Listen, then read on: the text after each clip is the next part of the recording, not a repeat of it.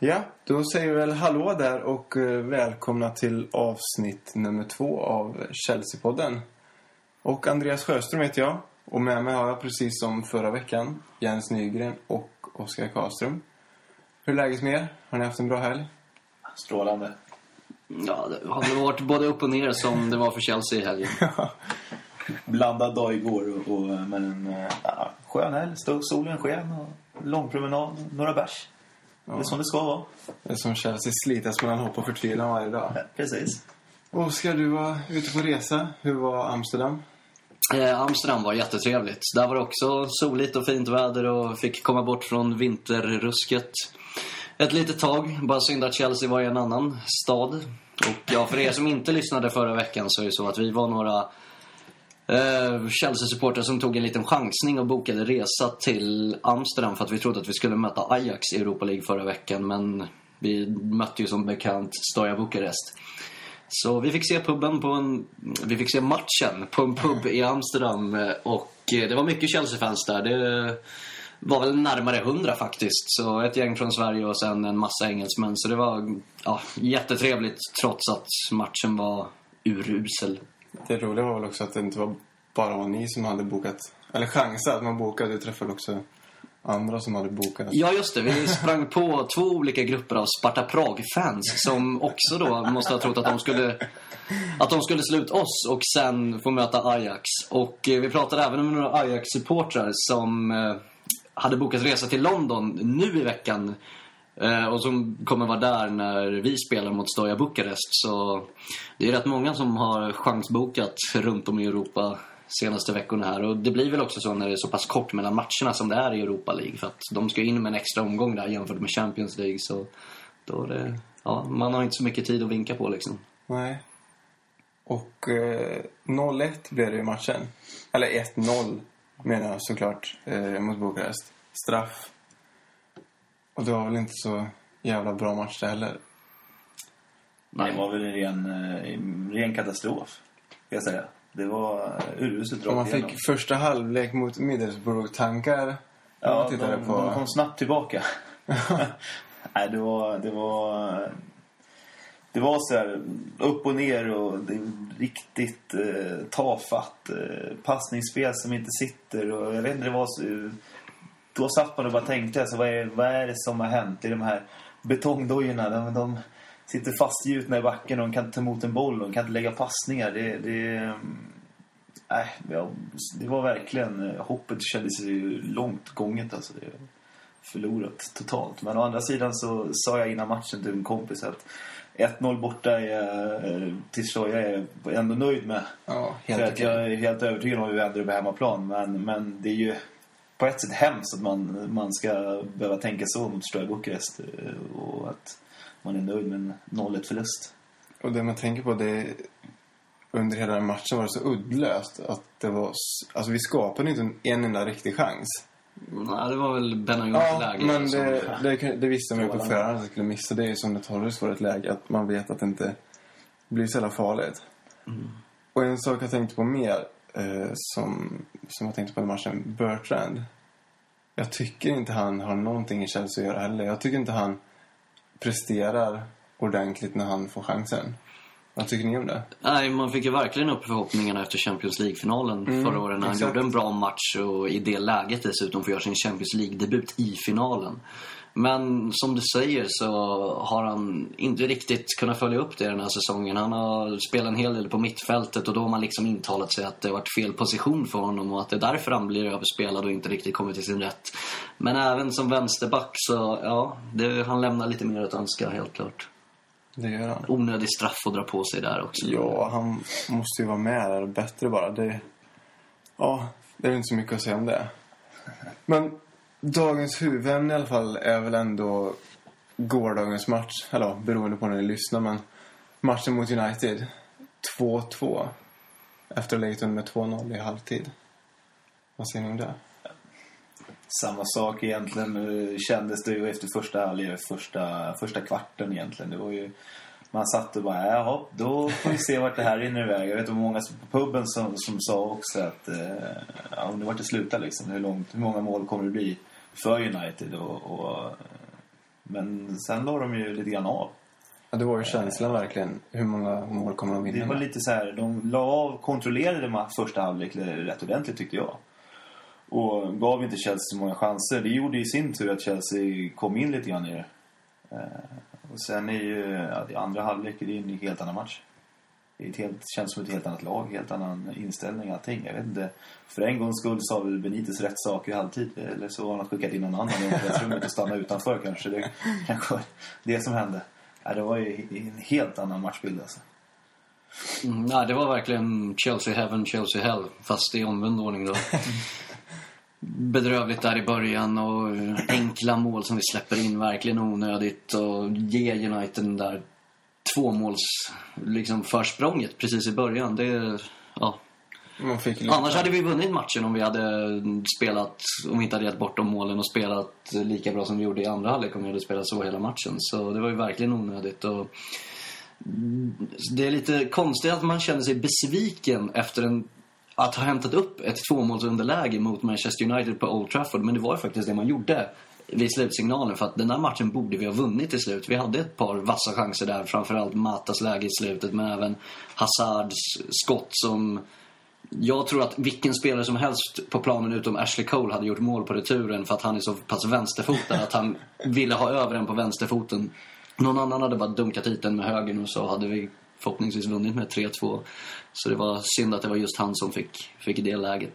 Ja, nej, det var... Det, var det blir som du säger, Oskar. Det är en konstig känsla att eh, gå 2-2 och hämtat upp 0-2 på United och så är man där hemma och bara...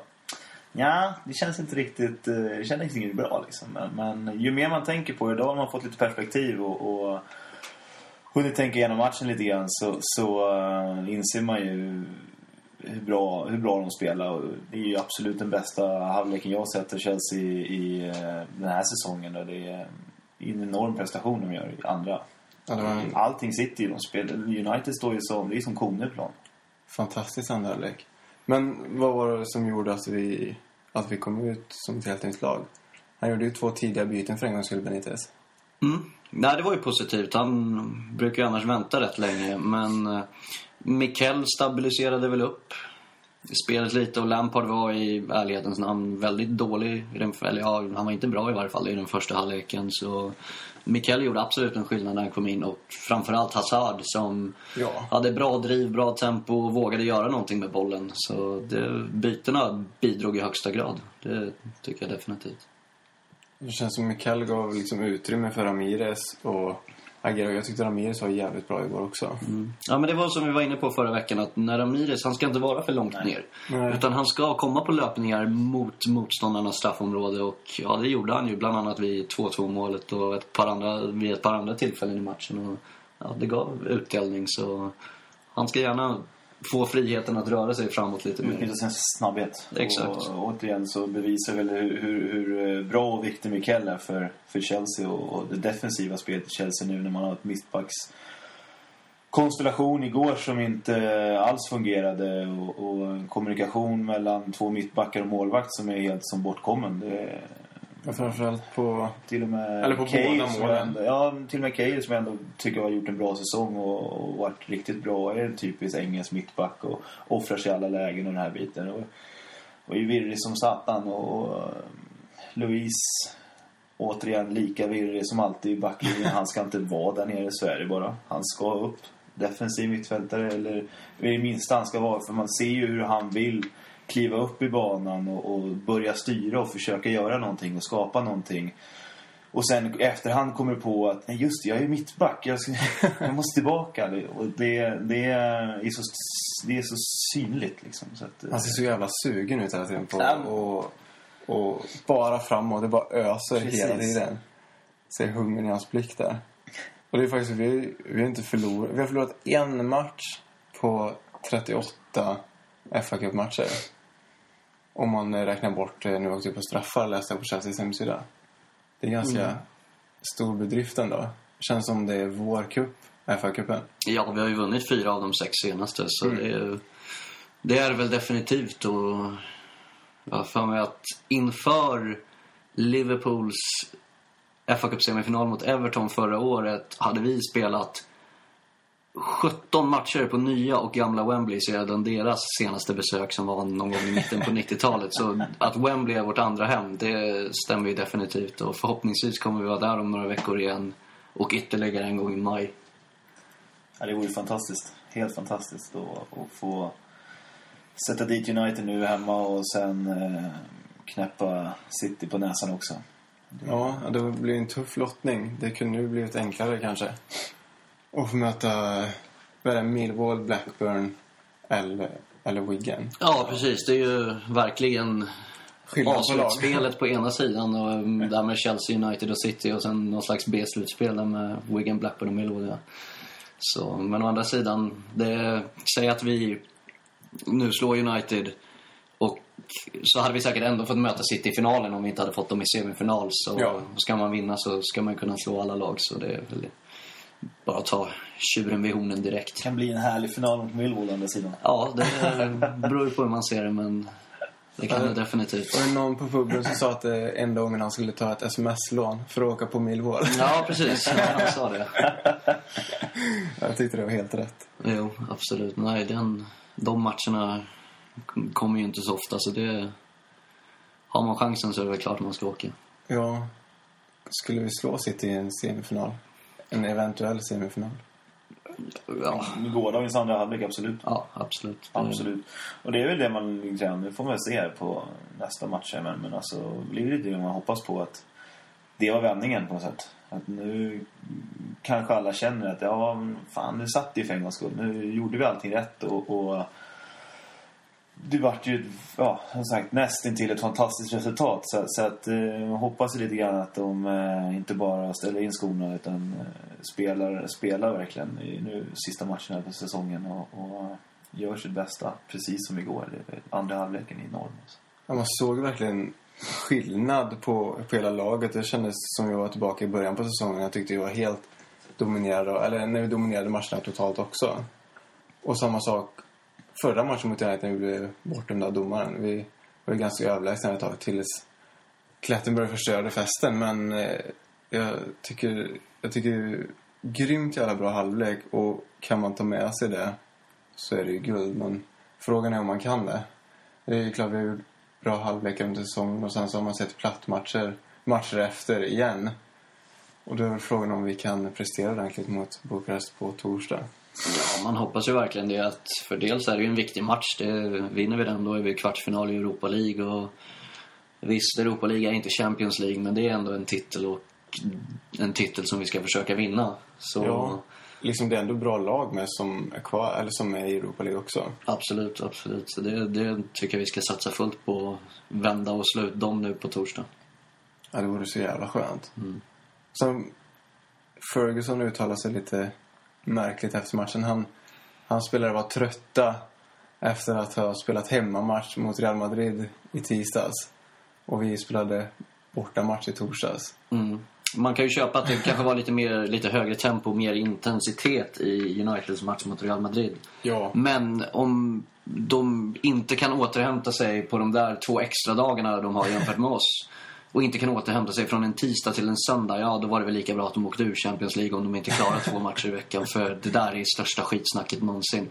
När Chelsea dessutom har spelat nio tävlingsmatcher fler än Manchester United den, under den här säsongen så köper jag inte alls det där snacket från Ferguson. Det var någon dålig bortförklaring för att hans lag tappade allt i andra halvlek. Det är väl- det är väl klassiskt Fergie å andra sidan att försöka hitta anledningar och, och inte bara erkänna att nej, okej, vi, var, vi, vi orkade inte och ni var bättre och den biten. Och det, vi vart utspelade helt enkelt, vilket de vart. Det, De var verkligen det. Varenda passning satt ju helt plötsligt från, från Chelseas sida och, och crossbollar och hela, hela faderullan liksom. Så, så att eh, det sker började sparka ut eh, insparkar och... och Och så jävla härligt att se. Det var ju liksom, de var riktigt under isen och ja, kan man inte se det eller erkänna det så visst, då kan man...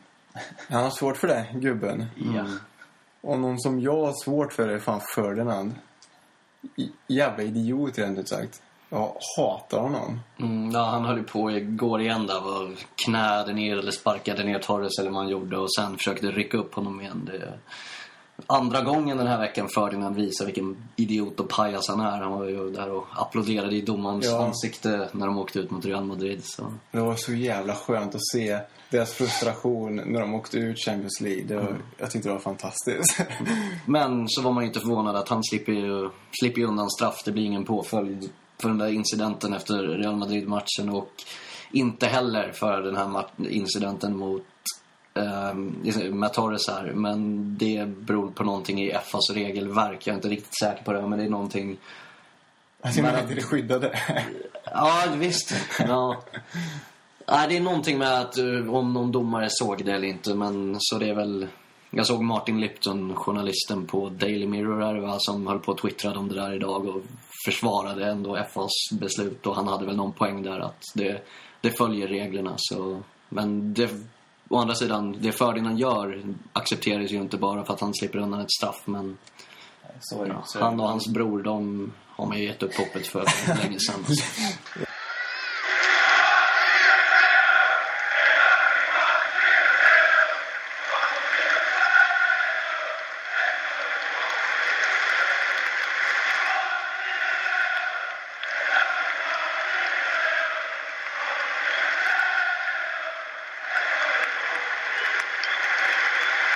var länge sedan. Det är å andra sidan jävligt märkligt att, eh, att Uefa släpper, släpper det han gjorde efter Real Madrid-matchen. Om de nu gör det. det Jo, men det, De de, gjort skulle, det. precis, de skulle inte inleda någon undersökning eller vad det var. Så Det är det, det är ju hur, hur märkligt som helst när man Mm. dessutom får höra att de i spelartunneln får dra in säkerhetsvakter och, och polis för Polis, att, för att skingra både, vad jag förstod om både Vidic och, och, och Ferdinand liksom. Så att, eh, men det är klart, det är United. Det är väl lite United Barcelona, det är väl gullegossarna i Europa. Så att, eh, Ja, och så lipar de så fort de blir lite förfördelade. så det var väl inte mer rättvist att de fick ett rött kort.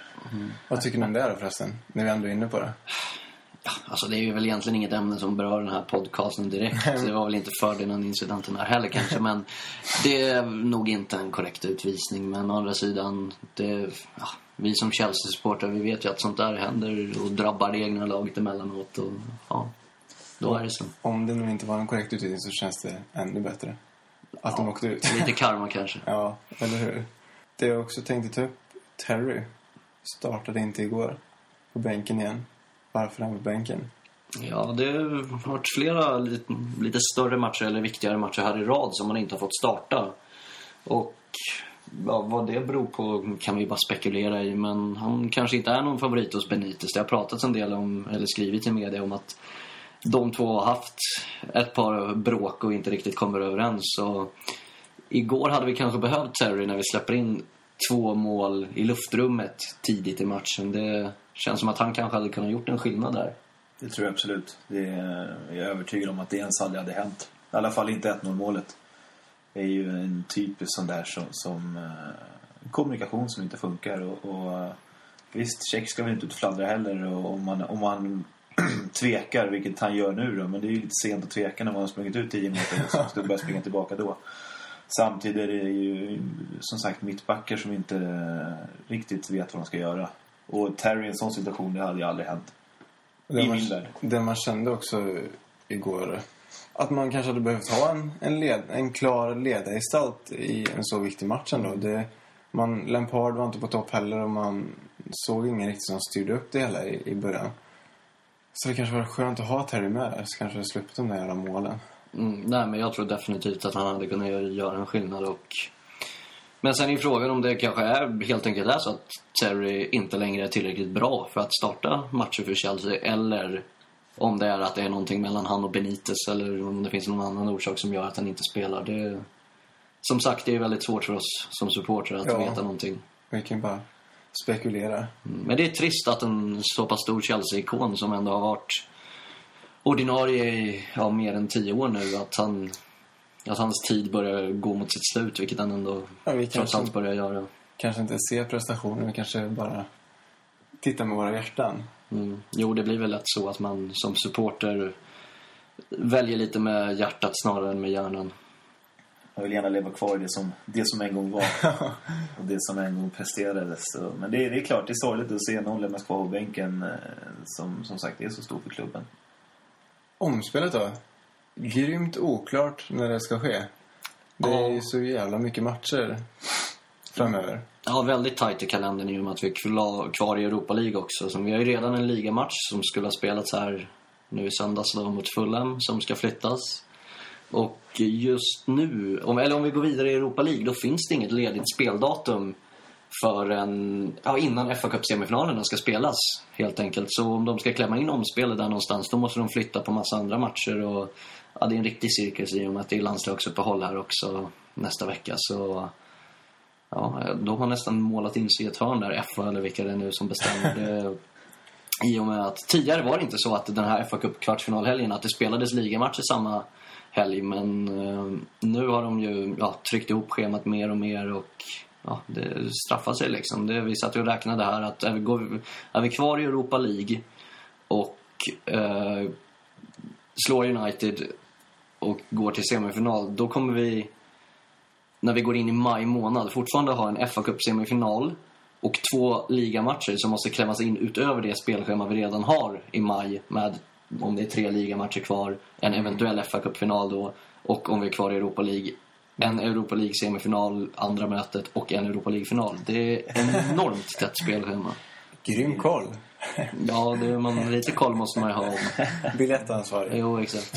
Vår säsong är slut i juli. Ja, något sånt blir det. det. Och jag skulle inte bli förvånad om det här om vi vid säsongens slut kommer slå något rekord i flest antal spelade träningsmatcher i och med att vi har spelat klubblags-VM och vi gick till semifinalen i eh, ligacupen och vi har redan två omspel i FA-cupen i och med United-omspelet här. Så beroende på hur långt vi går i Europa League och FA-cupen så kanske det kan bli den längsta säsongen, eller flest matcher i varje fall, för någon engelsk klubb genom alla tider nästan. Det känns som att titta på match hela tiden. Ja. Det är ju fantastiskt. Underbart.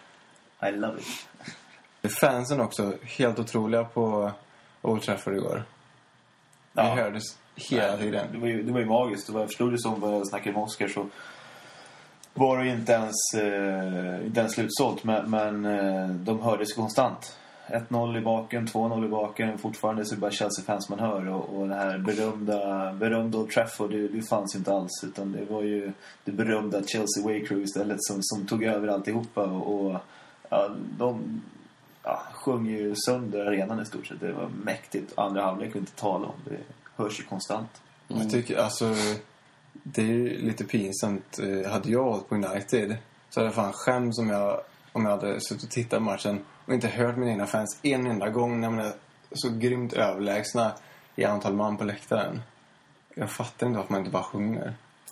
Jo, det är ju i och för sig ofta så att bortafansen Ja, det är ju generellt så, men- hörs lite mer. Men det här var ju en riktig utskåpning verkligen. Nu vet jag inte var mikrofonerna sitter på Old Trafford, men Chelseas fans var uppe på den ja, allra högst upp på ena kortsidan. Så de lär inte haft några mikrofoner där uppe i varje fall. Men ändå hörde man Chelsea hela tiden och det var, det var jätteroligt att höra. Och många av dem som var där säger att det var bästa stämningen den här säsongen. Att det till och med toppade Leeds i ligacupen här innan jul som en match som jag var på som var helt fantastisk. Och ja, man vill väl tro att det kanske bidrog laget till att bidrog till att laget kunde komma tillbaka. För att även vid underläge 1-0 och 2-0 och 2-1 så var det ändå bara Chelsea-fansen man hörde på tvn. Och nej, jättekul verkligen. Och, ja, kanonbra bortastöd. Och sen är jag säker på att när United kommer till Old Trafford att de kommer ha betydligt bättre stöd än vad de hade hemma.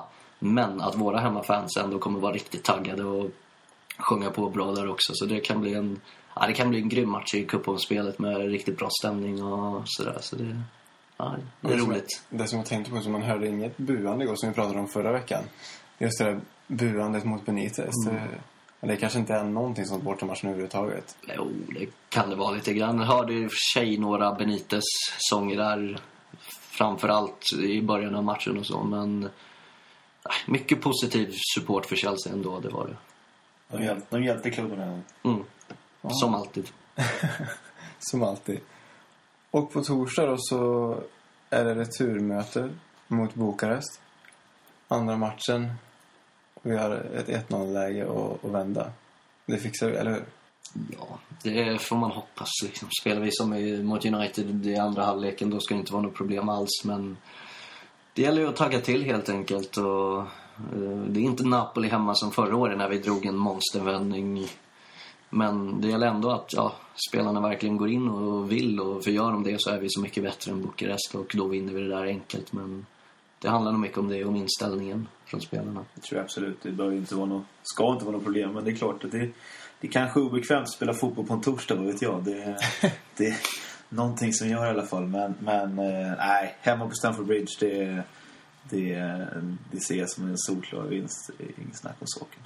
Det värsta är väl om Bukarest tar ledningen med 1-0. Då måste vi göra tre mål och det kan bli, kan bli lite kämpigt men Jag tror vi håller tätt. 2-0 vinner vi med. Gärna. Ja, det tar jag. Det tar jag. Du tar det? Ja, sätta lite pengar här. Nej. Och då, då kanske vi får hoppas på att Lampard gör, gör båda de målen i sådana fall. För på söndag är det också match mot eh, West Ham. Han är ju fyra mål ifrån målrekord nu. Mm. Det vore ju fantastiskt om han fick slå det målrekordet mot West Ham. Det är ju många som har pratat om det nu de senaste månaderna. Att det är matchen som han gärna ska åtminstone tangera Bobby Tamlings mål på 200, eh, Bobby Tamlings rekord på 202 mål eller slå det. Men nu har det gått lite tungt för Lampard på sistone så det, han får svårt att trycka in de där baljorna som fattas. Ja, han har inte gjort mål på sex matcher. Mm.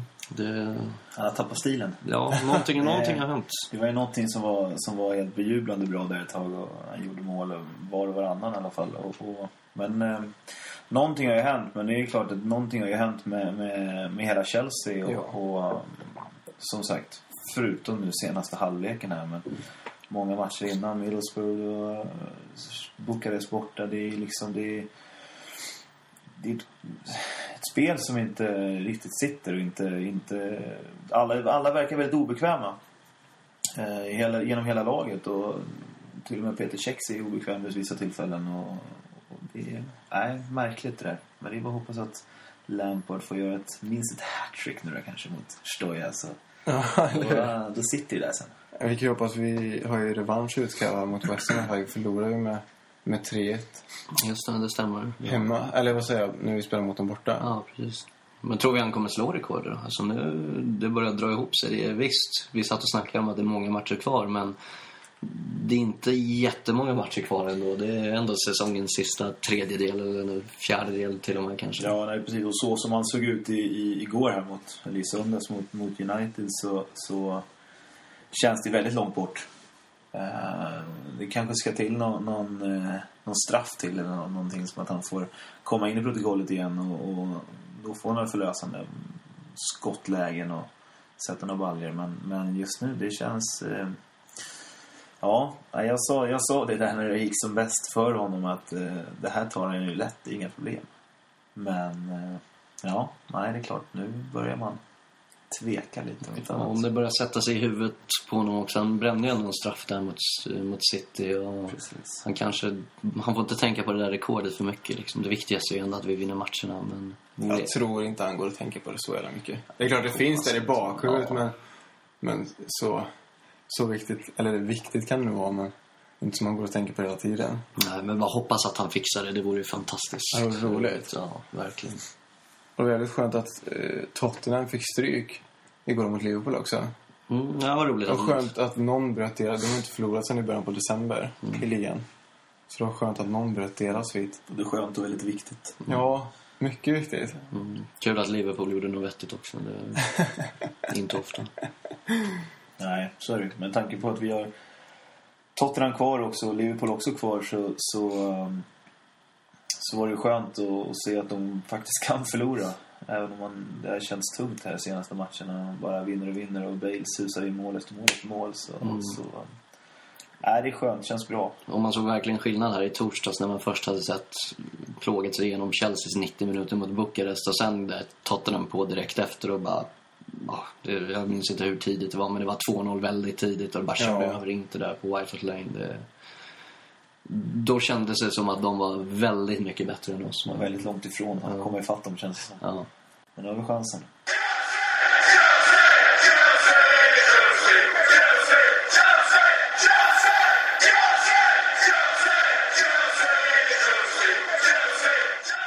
Eh, Det är roligt att många har hört av sig om och haft förslag på vad vi ska prata om. Och vi kommer väl avhandla det lite kort nu. Vi kommer ha specialavsnitt längre fram under podcastsäsongen med bland annat ett avsnitt om silly season när det börjar närma sig lite mer. Och utlånade spelare när vi kan summera säsongen. Och det var någon som ville att vi skulle prata om Mourinho. Och Erik Niva tog upp det senast idag i Aftonbladet. Hans underbara siffra 80% sannolikhet att Mourinho kommer i sommar. Ja, jag skulle vilja se kalkylen bakom den. Hur han liksom, vilka avvägningar och beräkningar han har gjort. Men ja, det verkar väl ändå som att det är ganska troligt att Mourinho kommer tillbaka. Det är inte bara Niva utan väldigt många journalister och annat folk som har, som har trott det. Och ja, det vore ju fantastiskt, eller hur? Ja, som, som jag sa förra veckan, jag skulle absolut inte gråta om Mourinho kom tillbaka. Och, och det verkar ju, verkar ju faktiskt, bli som Oskar säger, lite grann så. Eh, väldigt många som starkt går ut och säger att eh, Mourinho, det är ingen annan, ingen annan som kandiderar egentligen. Och, och så kan det mycket möjligt väl vara, för vem skulle det vara annars? Det är inte så många ute, så att eh, nej. Mourinho verkar troligt. Det är rätt tyst om andra namn också. Det är inte så att det är nästan inte så många, några andra namn som nämns just nu som potentiell ny Chelsea-tränare. Så det kanske är han, trots allt. Jag får se, det kommer ju visa sig under sommaren. I alla fall. Och sen så var det någon som ville att vi skulle ta upp eh, det här med Torre som vi också pratade om förra veckan. Vad, vad ska vi göra med honom egentligen? Ja, jag, Vem vill ha honom? det, det enda jag kan se är att hans eh, moderklubb, kanske inte, men klubben han slog igenom i i varje fall, Atletico Madrid, att de köper tillbaka honom. Och kanske att man kan få till någon slags deal där vi byter Torres mot Falcao och ja, vi får ge en massa pengar också såklart. skulle du vilja ha Falcao? Eller klart man vill ha honom, men skulle det vara bra eller skulle det hämma våra andra spelare som Lukaku till exempel? Ja, det är ju frågan om det skulle vara klart mycket bättre än Torres i varje fall, men det beror på vilken tränare som kommer in, vilket spelsystem vi har. Det är väl lite... Det är väl inte riktigt... Eh, Chelsea är inte riktigt det bästa laget för Falcao heller att hoppa in i, skulle jag tro. Eh, vi behöver ju en kraftfull spelare där framme och har haft de senaste åren, även innan Drogba. Och, och det är lite vårt sätt att, att hålla sig på fotbollsplanen. Och Lukaku är ju en sån, i min värld i alla fall nu, en sån spelare. Och får han bara utvecklas så övertygad om att eh, han, kommer, han kommer lyckas att slå igenom i Chelsea. Så att, eh, ja, jag är lite obekväm med att köpa in en sån spelare för så pass dyra pengar. Vi, Eh, vi har gjort misstaget en gång att köpa in Torre som man, man, alltså man vet, även fast han presterar helt sinnessjukt i Atletico Madrid så är det, det är inga garantier att man lyckas bara för det. Nej, nej vi såg ju även Shevchenko till exempel och andra liknande värvningar har ju gjorts. Även om Kessman och Chris Sutton och så vidare inte var på samma nivå riktigt så... Så ja, bara för att man är duktig i- och gör bra ifrån sig i en klubb så är det, ger det ju inga garantier. Men klart är väl i alla fall att vi måste ta tillbaka Lukaku i sommar. Ja, det, så måste det ju bli. Han har ju uppenbarligen visat att han håller på Premier League-nivå och gjort fantastiskt bra ifrån sig. Mål nu igen i helgen och Ja, nej, absolut. Det ser ingen annan utväg än att det, det, är, mer, det är självklart. Är, han ska in. Sen så är det klart, så vi måste ju ha en, en backup. Vi måste ha in en anfallare som, som mer än bara Dembaba också då. Och Torres går ju inte att spara på längre. Och han kan ju inte vara tredje anfallare och, och komma in och ska vadå, avgöra en match. Hur ska det gå till? Liksom? För han gör ju inte det heller. Nej, precis. jag, kan inte, jag kan inte se det någon, någon, någon, någon gång. Inte någon match överhuvudtaget. Så att, eh, någon anfallare, men, men kanske heller inte någon, eh, någon fantastisk anfallare idag. Alltså en Falcao just för att det kommer kosta för mycket. Mm, om det är någon som ska vara andra eller tredje val, om Lukaku kanske till och med blir vår första striker, vilket han mycket väl kan bli. Ja, då kan det ju inte vara ett hur stort namn som, heller, som helst heller, utan det måste ju vara någon som är lite mindre etablerad. Precis. Det tror jag. Man kan inte se Torres som super-sub direkt. Definitivt inte. det finns inte på kartan.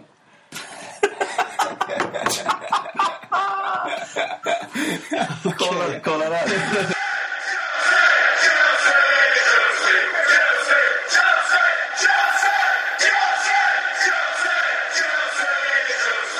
Det var väl någon som ville att vi skulle ta upp Benitez lite närmare men eh, vi avhandlade honom ganska flitigt och rejält eh, förra avsnittet så vi får gå tillbaka och lyssna på det den som ville höra om honom och vi kommer det är ofrånkomligt att komma in på honom under kommande avsnitt också eftersom han är den han är, helt enkelt. Och det var deadline igår på medlemsresan. Hur många anmälda blev det till slut?